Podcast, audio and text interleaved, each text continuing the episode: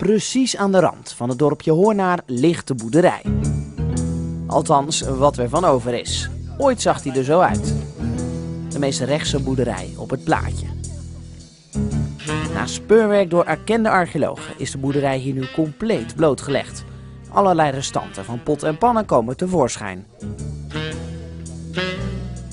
Vol belangstelling komt het hele dorp dit weekend kijken. Want ja, waarom is het nou 12e eeuw? Nou, het staat er niet op. Goeie vraag, meneer de archeoloog. Terwijl u verder zoekt tussen de lintjes, zoeken wij verder met onze eigen speurneus buiten de lintjes. En hij zat op het spoor.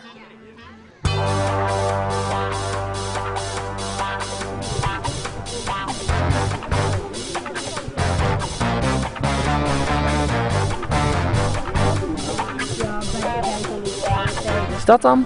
Dat is een stukje bot. Ik denk dat het van een koe is. Goeie eh, archeoloog ben jij? Ja, ik heb ook eh, vijf boeken over dinosaurussen. Waarom vind je dat zo interessant dan? Nou, ehm, ik hou heel erg van botten. Waar komt dat vandaan?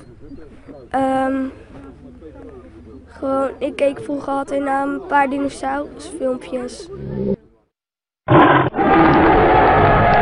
Tja, zo oud zullen deze botten niet zijn. Maar bijzonder zijn ze vast en zeker wel. Dit is eh, voor deze streek eigenlijk helemaal niet bijzonder. Want ik zal u zeggen dat er van deze woonheuvels in de streek denk ik nog 800 zijn.